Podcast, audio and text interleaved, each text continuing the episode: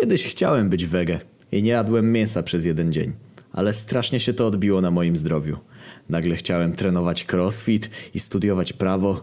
Miałem przelotne myśli, że progresja podatkowa to szczyt uczciwości, że powinni zakazać używania broni, w tym noży w kuchni, bo służą do zabijania zwierząt, a sałatę można przecież jeść bez krojenia.